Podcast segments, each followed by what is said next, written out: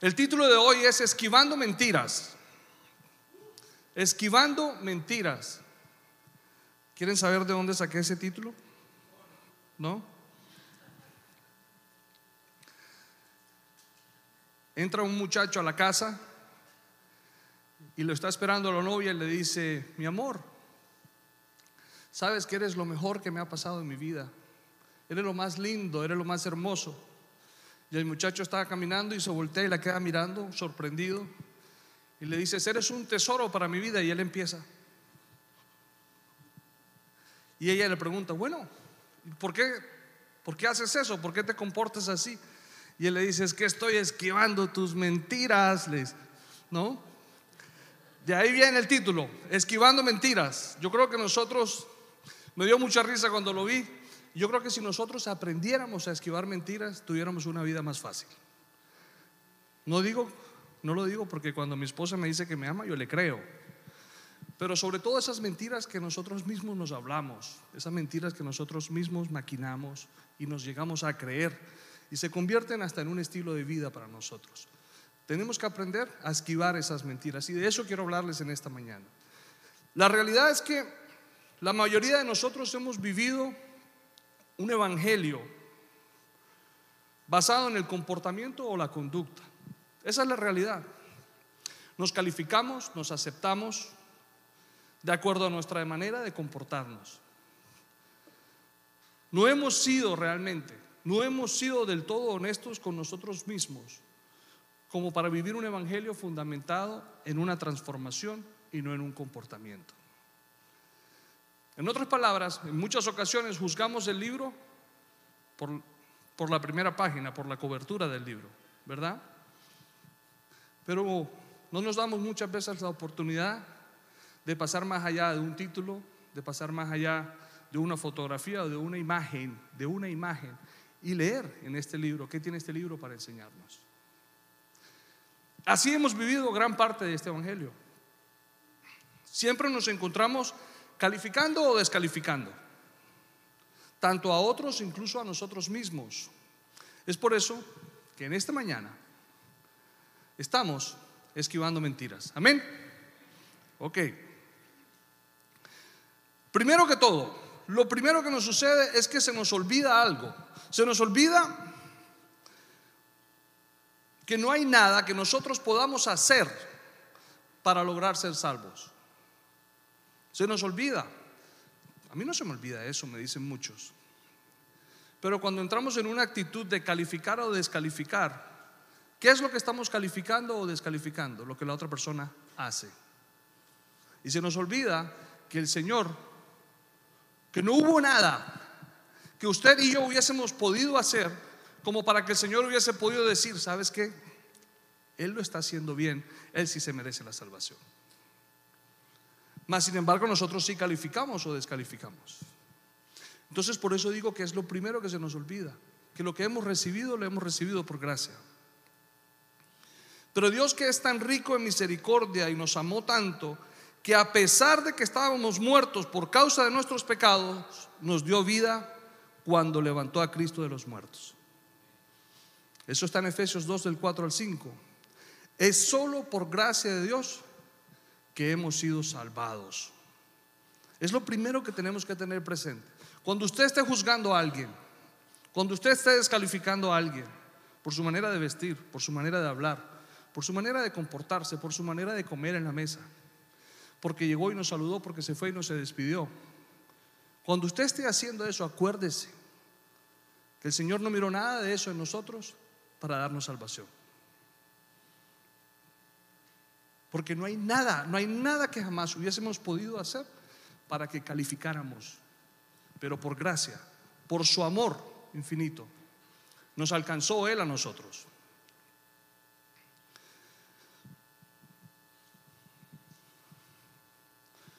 Nada pudimos haber dicho para que el Señor dijera, oh, esta persona se merece la salvación. Dios los salvó por su gracia cuando creyeron. Ustedes no tienen ningún mérito en esto, es un regalo de Dios. La salvación no es un premio por las cosas buenas que hayamos hecho, así que ninguno de nosotros puede jactarse de ser salvo. Está en la palabra. Es lo que acabo de decir, Efesios 2 del 8 al 9. No, hay, no, es, no, hay, no es un premio. La sociedad nos ha enseñado y desde niños empezamos a enseñar a los niños, a mis nietos. Yo me encuentro que nos estamos haciéndolo todavía. Los niños, uno de mis nietos, tres años y todavía no aprendía a ir al baño. Y le empezamos a colgar dulces en la pared arriba para que fuera al baño. Quería chocolate, sí, papi, pero tiene que hacer aquí. Y, pero yo quiero chocolate, sí, pero tiene que hacer aquí, pipí.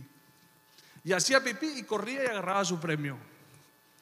Eh, nos han enseñado desde muy niños que es un premio, que todo, que, que nos merecemos un premio, que podemos ganar el premio. Pero la palabra nos enseña otra cosa, nos dice que la salvación no es un premio. No es un premio por las cosas buenas que hayamos hecho. Así que ninguno de nosotros se puede, se puede jactar de ser salvo. Y si esta es la demostración más grande, la salvación, es la demostración más grande de amor de Dios hacia nosotros, esta es, la salvación es, lo estamos viviendo hoy en día. Él nos extendió su gracia. ¿Sabe que la salvación estaba solo para el pueblo de Israel? Pero vino Cristo. Oh, vino Cristo. Vino Cristo y extendió su brazo. Y dijo que tú también. Dijo que yo también. Tú y yo somos herederos por Él. Tú y yo recibimos herencia porque Cristo decidió dejar su trono y venir como hombre y morir en la cruz haciéndose pecado que no cometió por ti y por mí. Vino Cristo a rescatarnos. Desde antes de que nacieras, quiero decirte, has sido escogido por Dios. Desde antes de que nacieras. Jeremías 29 dice, del 11 en adelante, pues yo sé los planes que tengo para ustedes, dice el Señor. Son planes para lo bueno y no para lo malo, para darles un futuro y una esperanza. En esos días, ¿saben cuáles días está hablando aquí Jeremías? Hoy. Hoy. Hoy, cuando oren hoy, los escucharé, dice el Señor. Cuando oremos hoy nos escuchará. Si me buscan de todo corazón, podrán encontrarme. Ya estamos entrando en materia. Si me buscan de todo corazón, la importancia de orar con una honestidad, con una sinceridad, con la conciencia en nuestro corazón de que lo estamos buscando de verdad por una transformación. Es allí donde nuestro Padre siempre ha querido trabajar en nosotros, en el corazón. No en lo externo, como estamos nosotros acostumbrados, como muchas veces nos, nos llegamos a conformar solo con lo externo,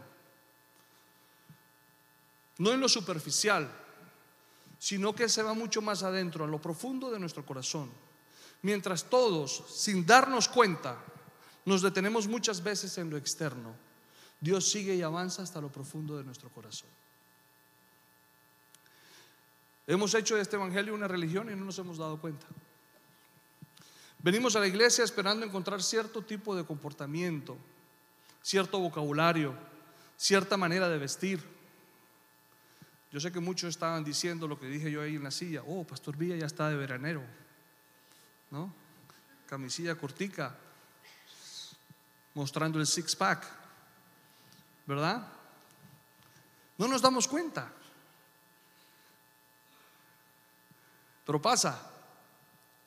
Sin darnos cuenta, aprobamos o desaprobamos. A muchos les pareció. Qué ricos. Tienen la libertad de vestirse así. A otros no les gustó mucho. Estamos en la iglesia del Señor. Hoy es el domingo para alabar y honrar y alabar el nombre del Señor. ¿Cómo es que se sube vestido de esa manera? ¿Cómo es que esos predicadores en la iglesia remanente predican en tenis? ¿Eso qué es? ¿Cómo es posible?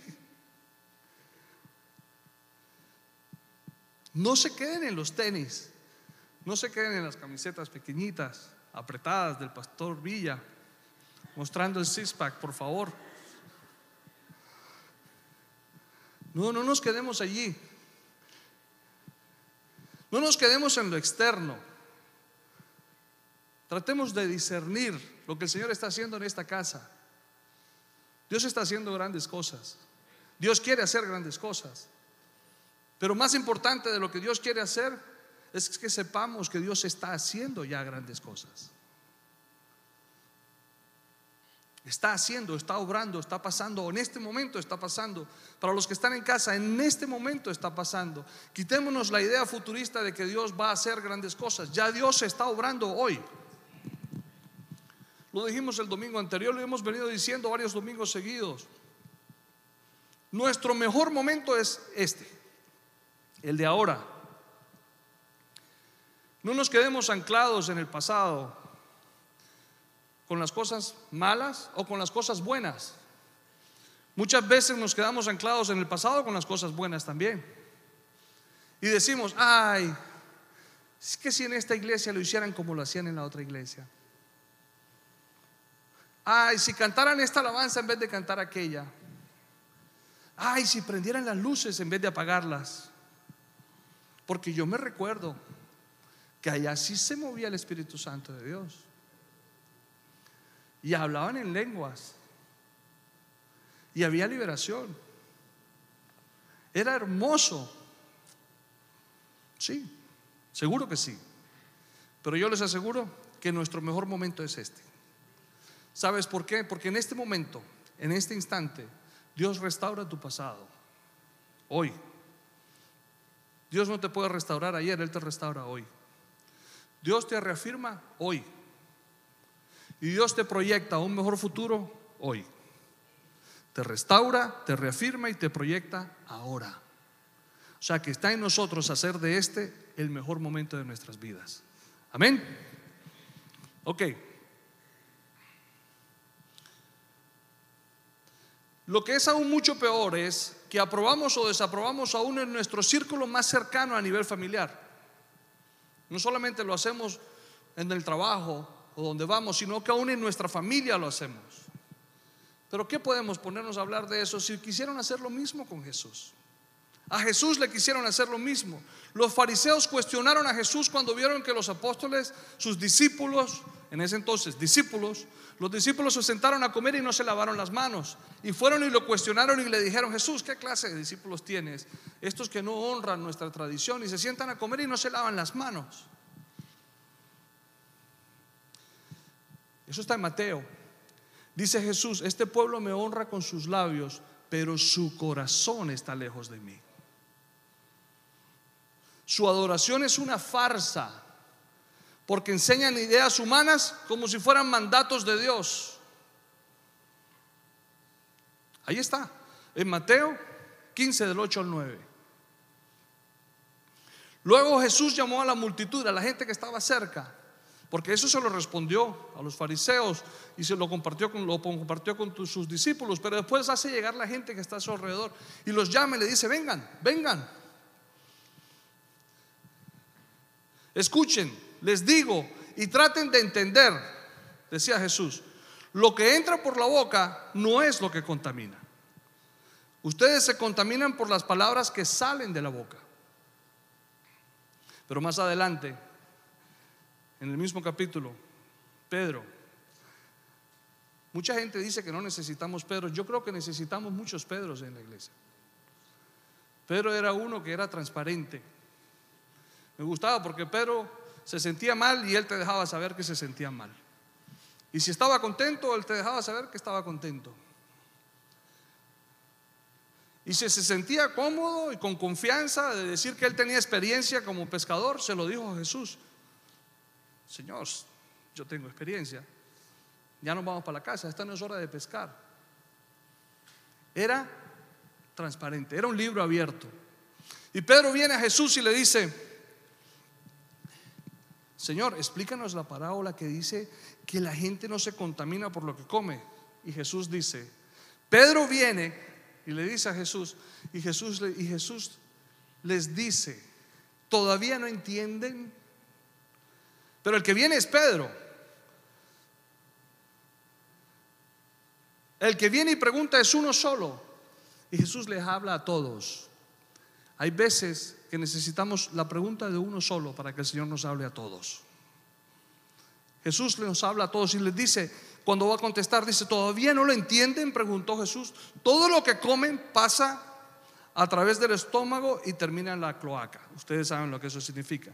Pero las palabras que ustedes dicen provienen del corazón. Eso es lo que contamina, pues del corazón salen los malos pensamientos, el asesinato, el adulterio, toda inmoralidad sexual, el robo, la mentira y la calumnia. Esas cosas son las que contaminan comer sin lavarse las manos nunca los contaminará.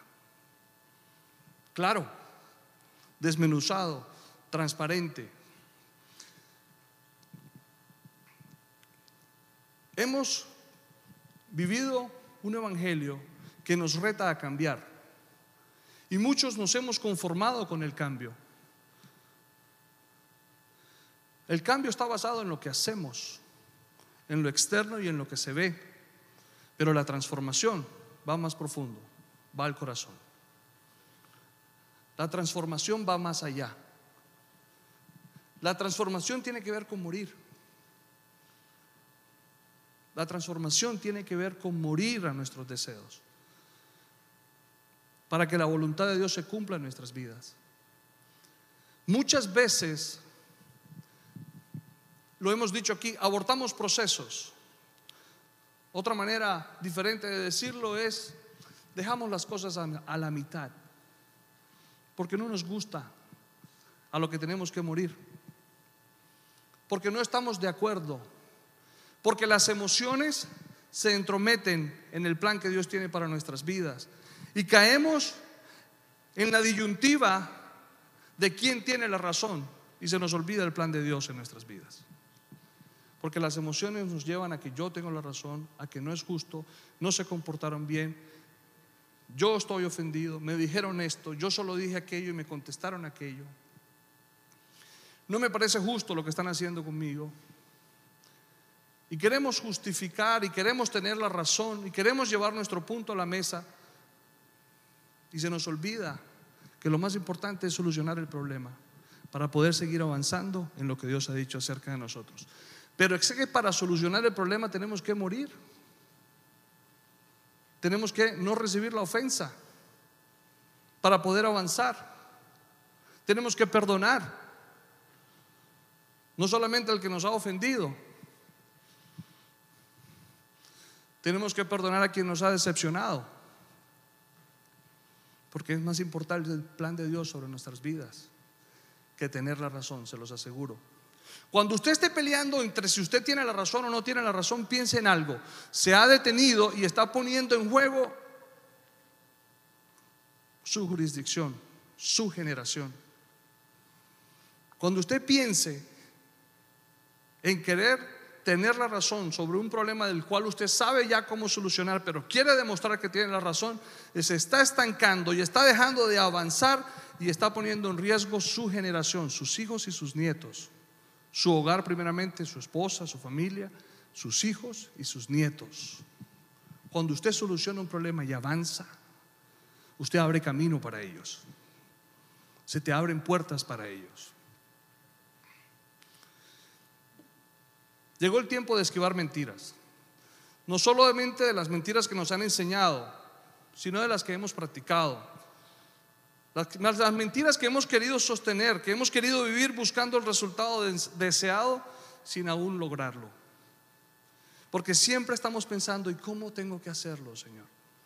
¿Y qué tengo que hacer, Señor?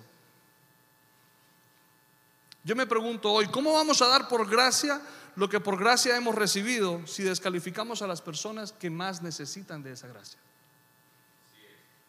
Las personas que están allá afuera buscando lo que usted y yo tenemos lo que está en nosotros,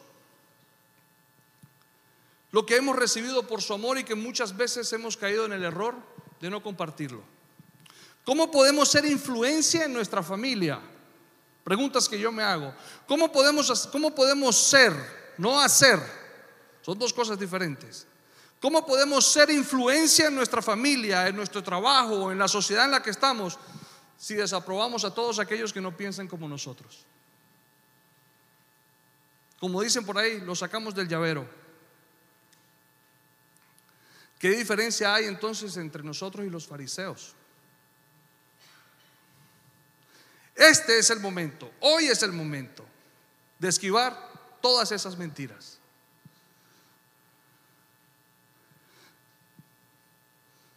Sí, hemos vivido un cambio, la gente lo nota. La gente se da cuenta y dice, esa persona ha cambiado, ya no viste igual, ya no habla igual, pero nadie sabe verdaderamente qué tanto hemos sido transformados. Por eso la palabra dice que engañoso es el corazón del hombre y solo Dios lo conoce. Porque Él sí conoce qué tan transformados estamos nosotros. Necesitamos pasar del cambio a la transformación. Necesitamos ir más allá. Necesitamos entender que el cambio es algo que sucede en lo externo, la transformación sucede en lo interior. No nos conformemos, si a usted le gusta escribir frases, le recomiendo que escriba esto. No nos conformemos con el cambio que necesitamos hacer. Vayamos más allá hasta lograr la transformación que necesitamos vivir. Si le gustó esa frase, anótela, escríbela, medítela. Por lo general el cambio lo hacemos, pero la transformación la vivimos. Y si vivimos la transformación de la mano de este Evangelio, la vamos a disfrutar.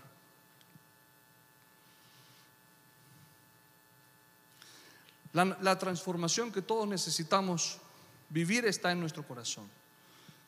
Mateo 6, 19 en adelante dice, no almacenes tesoros aquí en la tierra, donde las polillas se los comen y el óxido los destruye. Y donde los ladrones entran y roban, almacenan sus tesoros en el cielo, donde las polillas y el almacena tus tesoros en el cielo, donde las polillas y el óxido no pueden destruir y los ladrones no pueden robar. Pero el 6:21 me dice esto, dice, donde esté tu tesoro, allí estarán también los deseos de tu corazón.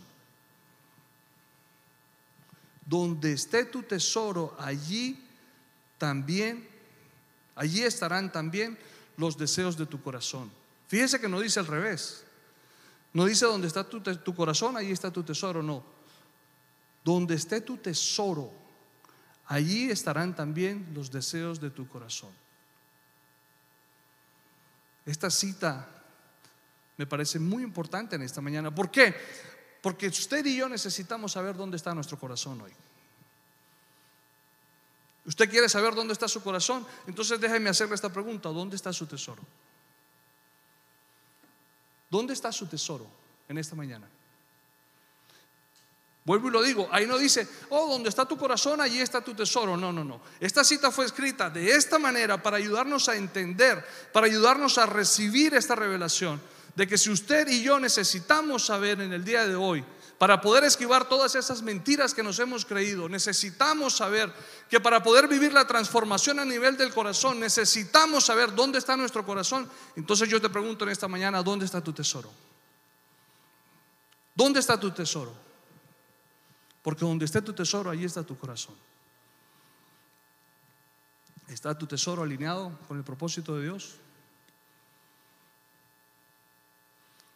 Donde esté tu tesoro te va a dejar saber si verdaderamente has vivido un cambio o estás viviendo un cambio o estás dispuesto a vivir un cambio o una transformación. ¿Dónde está tu tesoro en esta mañana? Hijo mío, dice Proverbios 3, Hijo mío, nunca olvide las cosas que te he enseñado. Guarda mis mandatos en tu corazón. Si así lo haces, vivirás muchos años y tu vida te dará satisfacción. Proverbios 3, del 1 al 2. Guarda mis mandatos en tu corazón. Aquí es donde nosotros vivimos transformación. Hay muchos libros allá afuera que nos enseñan hoy en día que necesitamos cambiar los hábitos para tener una mejor calidad de vida. Y nos enseñan que necesitamos comer mejor, nos enseñan la importancia del ejercicio, la importancia de no trasnochar, la importancia de alimentarnos bien. Todo eso es muy cierto. Pero todo eso es quizás muchas veces externo. Pero ¿qué está pasando en lo interno? de nuestras vidas. ¿Qué está pasando aquí? Colocaba el miércoles de la semana, el de esta semana que está terminando, no, de la semana pasada porque los domingos empieza la semana. Comentaba acerca de las personas que van a un gimnasio o hacen una dieta. con el deseo de entrar en un vestido, en un toxido para quedar bien en la foto para dentro de un mes. Quieren un cambio así. Hay un muchacho que le está haciendo un video al otro, musculoso, lleno de músculos, mirándose al espejo, y le pregunta, ¿cuánto tiempo llevas entrenando? Y le dice, tres años. Dice, y después se voltea a él, así está todo gordito, cachetón, y dice, ay, yo que quería estar así para el sábado. ¿Ah? Está buscando un cambio. Pero este muchacho que lleva tres años encontró una transformación.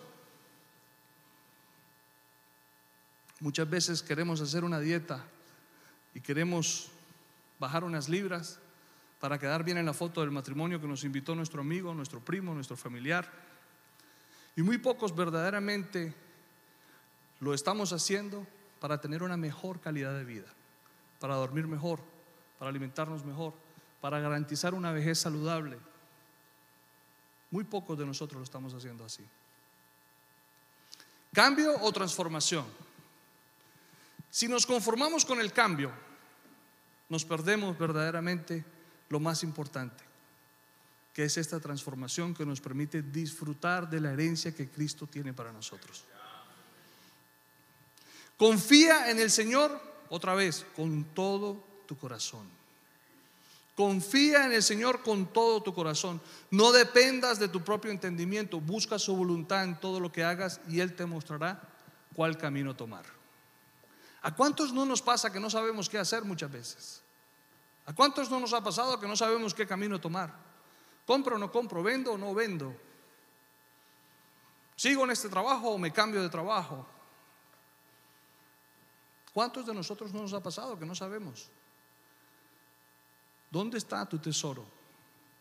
Ahí vas a encontrar tu corazón. Y cuando encuentres tu corazón vas a saber en qué estás confiando.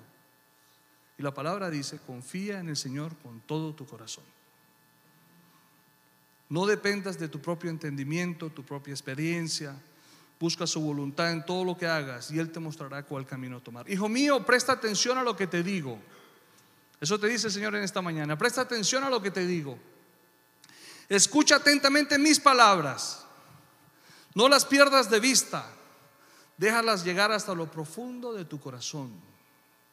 Pues traen vida a quienes las encuentran y dan salud a todo el cuerpo. Sobre todas las cosas, cuida tu corazón porque este determina el rumbo de la vida. Nuestro rumbo, el rumbo de nuestra vida, lo que va a determinar el rumbo de nuestra vida es la transformación que vivamos, no el cambio que tengamos. Es la transformación que vivamos. Cambios vamos a tener muchos. Yo me recuerdo cuando yo empecé, cuando yo vine aquí a la iglesia hace 22 años, casi ya, 22, 21, 21. Yo me recuerdo que yo tenía pelo. Sí, el hermano René también, bastante cabello tenía. Y un bigote que parecía una brocha, una cosa así hermosa. Hoy uno mira al hermano René y no. Ha tenido muchos cambios. ¿Dónde está nuestro corazón? ¿Dónde está la transformación que necesitamos? ¿Dónde está nuestro corazón? ¿Dónde está, ¿Dónde está ese tesoro nuestro? Ahí vamos a encontrar nuestro corazón. ¿Dónde está tu tesoro?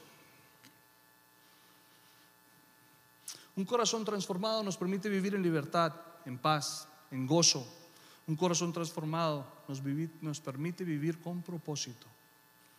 Hay una historia muy linda, se las voy a leer rápidamente. Alguien se acercó a Jesús, eso está en Mateo 19, con la siguiente pregunta, Maestro, ¿qué buena acción tengo que hacer? Póngale cuidado a esto. ¿Qué buena acción tengo que hacer para tener la vida eterna? ¿Por qué me preguntas a mí sobre lo que es bueno? Respondió Jesús. Solo hay uno que es bueno pero para contestar a tu pregunta, si deseas recibir la vida eterna, cumple los mandamientos. Y esta persona le pregunta, le dice, ¿cuáles? Y Jesús le contestó, no cometas asesinato, no cometas adulterio, no robes, no des falso testimonio, honra a tu padre y a tu madre, ama a tu prójimo como a ti mismo.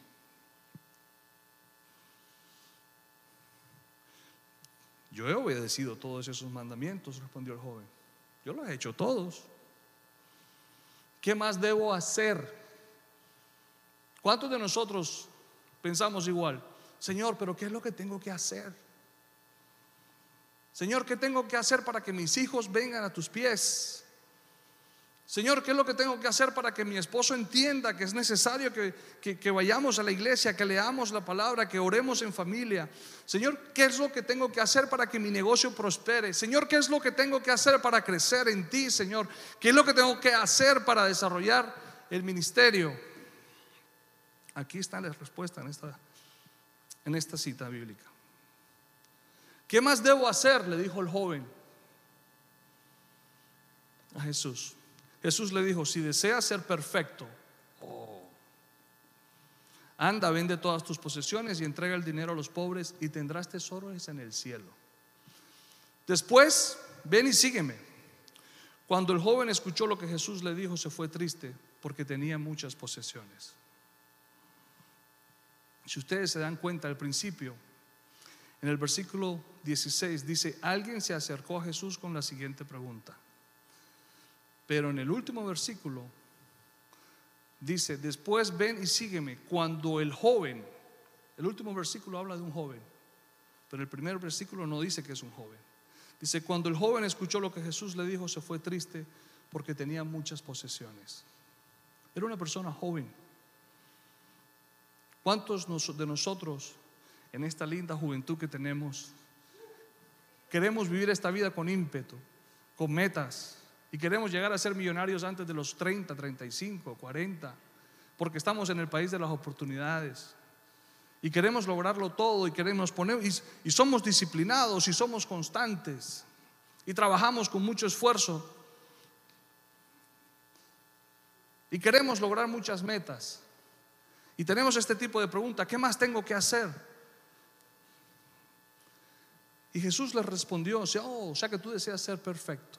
Cuando yo estuve averiguando en el hebreo la palabra perfecto, perfecto tiene que ver con carácter y madurez. Definitivamente entendí por qué al final dice que es un joven. Era un joven con muchos deseos de crecer, con muchos deseos de hacer para llegar, pero con muy poca madurez. Pero perfecto también tiene que ver con completo, con una persona con plenamente desarrollado Perfecto tiene que ver con algo que alcanza su propósito. Entonces Jesús le dijo, o sea que tú quieres alcanzar ese propósito, necesitas ser perfecto y vender todo lo que tienes. ¿Dónde estaba el corazón de ese joven? En su tesoro. ¿Y cuál era su tesoro? El dinero. Allí estaba el corazón de ese joven. Ese corazón que faltaba, le faltaba madurez, le faltaba vivir la transformación que necesitaba vivir. ¿Cómo vivimos esa transformación? A través de nuestro día a día. Hoy la vivimos. No la vivimos mañana, la vivimos hoy. Nuestro día a día, nuestro proceso diario nos ayuda a vivir esa transformación que necesitamos en nuestro corazón para lograr madurez, para lograr perfección. Pero hay algo más lindo todavía que me pareció de la palabra perfecto en el hebreo y quiere decir que es algo completo, pero que también para ser completo necesita ser íntegro y sincero. Si hay madurez en su vida, debe haber integridad y sinceridad con usted mismo.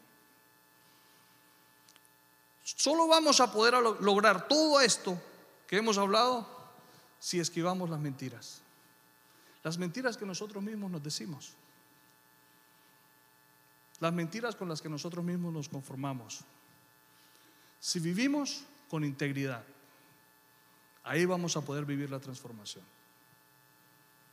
Necesitamos vivir con integridad. Todos. Se lo aseguro que aquí nadie se salva, ni el apóstol que está aquí sentado con nosotros se salva. Todos necesitamos vivir con integridad. Usted sabe que para usted poder vivir esta vida en el Señor se necesita de tener la autoridad del proceso vivido? Y usted no tiene autoridad sobre un proceso que usted no ha vivido. Usted no puede tener autoridad sobre un proceso que usted ha abandonado. Usted no puede tener autoridad sobre un proceso que usted decidió dejar a un lado porque no le pareció, porque no le gustó. no va a haber autoridad sobre eso, mucho menos va a haber transformación. No, pero es que no me gustó, también tienes que entenderme, yo no soy así, yo no, yo no me entiendo, es que mi sangre no va con esa persona. ¿Cuántos han escuchado eso? ¿Verdad? ¿Cuántos han escuchado que llegan a un trabajo y de pronto dicen, no me pongan a trabajar con tal persona, aquí yo, mi sangre no va con la sangre de él? Yo no sabía que eso de que la sangre va o no va. Y resulta que no se da cuenta que esa es una piedrita en la mochila que le ayuda a limar sus asperezas. Y él como piedrita también le ayuda a limar las asperezas del otro. Y entonces son procesados y transformados y maduran en muchas áreas porque trabajó con una persona que su sangre no va con su sangre. Pero es más fácil pedirle al administrador que no lo ponga a trabajar con él y abandonar el proceso. Es más fácil creernos la mentira de que mi sangre no va con su sangre y abandonar el proceso y buscar el camino fácil. A mí pónganme a trabajar con mujeres que yo con mujeres sí me entiendo muy bien, tan cómodo. ¿ah? o tan cómoda. Decía David en el Salmo 26, del 1 al 3, dice, declárame inocente, oh Señor, porque he actuado con integridad. Esto lo decía David. He confiado en el Señor sin vacilar. Ponme a prueba, Señor, e interrógame. Imagínense lo que está diciendo David. Ponme a prueba. O sea, que él se presentaba con toda honestidad, con toda sinceridad. Él quería crecer, él quería ser transformado, él quería que su corazón fuera verdaderamente pesado y transformado. Y decía la palabra, aquí está en el Salmo 26, dice, he confiado sin vacilar. En ese entonces, déjeme decirle, no existía el Espíritu Santo de Dios como hoy en día usted y yo. Claro que sí existía, pero no estaba aquí en la tierra para ayudar. Él, él confiaba en el amor de Dios. Y él decía, Señor, yo he confiado en ti sin vacilar. Él no dudaba en lo más mínimo en su corazón y estaba dispuesto a que el Señor lo examinara. Interrógame, examina las intenciones de mi corazón. Él entendió que era aquí que valía que era la transformación. Que era en el corazón donde se vivía la verdadera transformación. Él lo entendió. Pues siempre estoy consciente de tu amor inagotable y he vivido de acuerdo con tu verdad. ¿Usted sabe qué es vivir en integridad y vivir de acuerdo con la verdad de Dios? Es reconocer que nos mentimos muchas veces a nosotros mismos. Es hablarnos con la verdad a nosotros mismos. Nosotros no vamos a poder modelar una verdad que nosotros no hemos vivido. Nosotros no vamos a poder enseñar de una integridad que usted y yo no hemos vivido. Todos estamos siendo procesados en esto. Es que tan dispuestos estamos a vivir esta transformación. David lo entendió. Cometió muchos errores, pero nunca se escondió de Dios. Siempre fue y lo buscó a él. Y pidió una y otra vez que examinara su corazón. Porque él quería vivir de acuerdo a su verdad. Él vivía una vida con integridad. Es el hombre del cual la Biblia habla que tenía un corazón conforme al corazón de Dios, y lo dice en Hechos, capítulo 13, porque David estaba dispuesto a hacer la voluntad de Dios, no la de él, aunque fue rey. Y el rey, un rey de mucha influencia, pero estaba dispuesto a hacer la voluntad de Dios, porque estaba dispuesto a ser transformado. Usted sabe que David lo ungieron como rey y después de que fue ungido como rey lo devolvieron otra vez a cuidar ovejas. ¿Quién de nosotros es capaz de hacer eso? Que hoy lo ungen como rey después le dice, mijito, vaya a cuidar las vacas y los chivos, a recoger los huevos de las gallinas.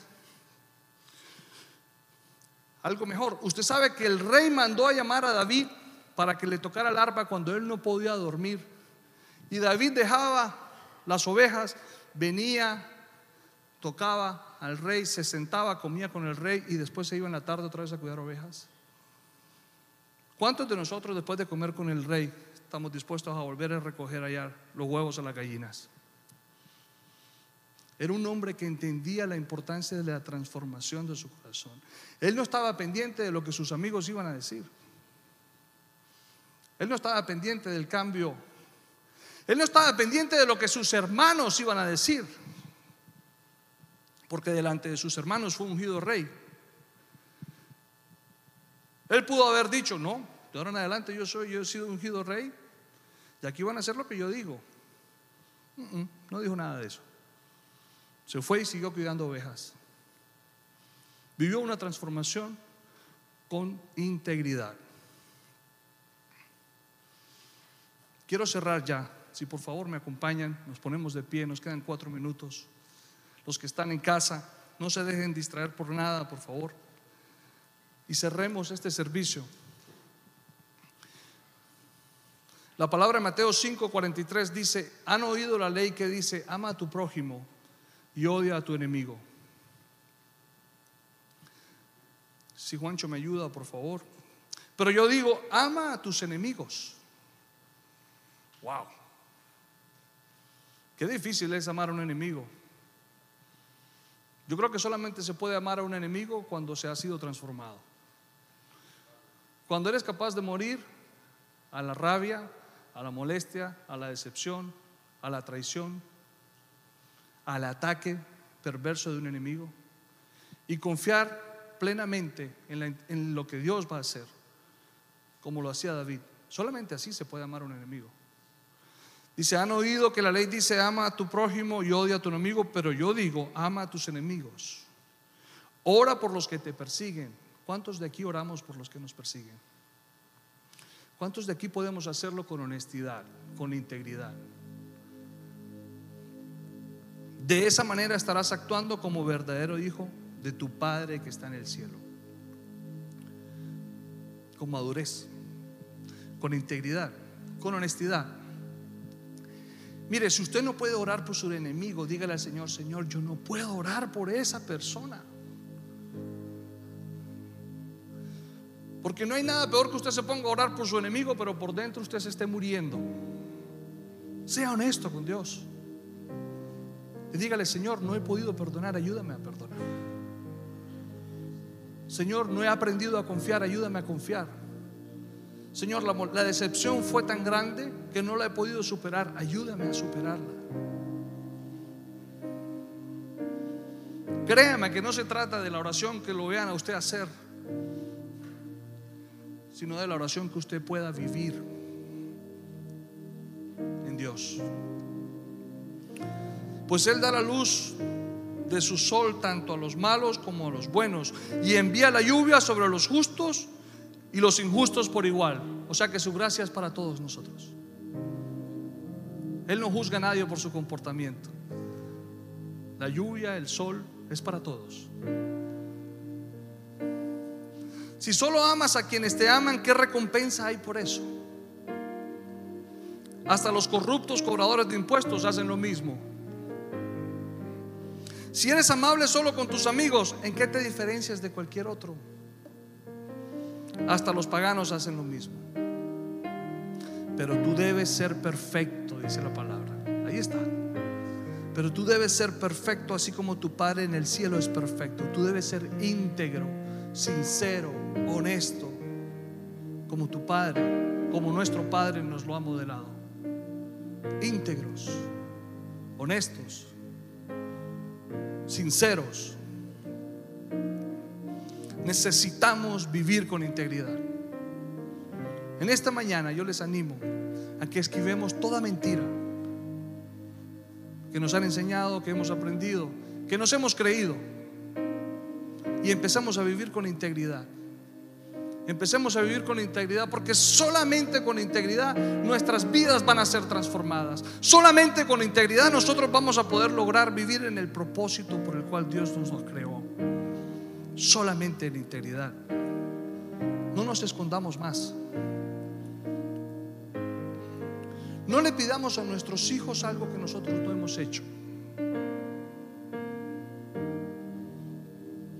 Tengamos la valentía de vivir el proceso. Vivamos la transformación que necesitamos vivir para poder tener la autoridad en casa y ayudar a nuestros hijos. Vivamos la transformación a la cual Dios nos está llamando para poder tener la autoridad de ese proceso vivido y modelarlo en la comunidad, en el trabajo. Si usted necesita pedirle perdón a sus hijos, en esta mañana es la mejor oportunidad que usted puede tener en su vida. Es el momento de restaurar, es el momento de reconocer, también es el momento de perdonar. Muchas veces nos justificamos y muchas veces cada razón y cada motivo que usamos para justificarnos es una mentira que nos roba la transformación que necesitamos. Pero si demostramos que hemos cambiado, pero realmente no estamos viviendo una transformación. Padre, en el nombre de Jesús, en esta mañana, yo te doy gracias, Señor, por tu presencia en este lugar. Gracias por tu amor para cada uno de nosotros, Señor. Gracias, Señor, por el propósito por el cual nos creaste. Gracias, Señor, por esta palabra, Señor, que nos reta, que nos lleva, Señor, a vivir más allá de un cambio, una transformación en nuestras vidas. Permítenos vivir con integridad, Señor. Permítenos vivir, Señor, con madurez. Permítenos, Señor, poder vivir este Evangelio como tú lo diseñaste para nosotros, Señor. Ayúdanos a poder ser, Señor, esa influencia en nuestra familia primeramente, Señor. Para poder llegar allá afuera Perdónanos, Padre, por haber descalificado a muchos. Perdónanos, Padre, por haber juzgado a muchos. Perdónanos, Señor, porque tú no lo hiciste con nosotros. Te pedimos, mi Dios, que nos ayudes, que nos guíes, que nos enseñes, que nos muestres, Padre, cada día, cada momento, Señor, de nuestras vidas, para nosotros poder vivir esta transformación, Señor. Te doy gracias, Padre. En el nombre de Jesús. Amén y amén.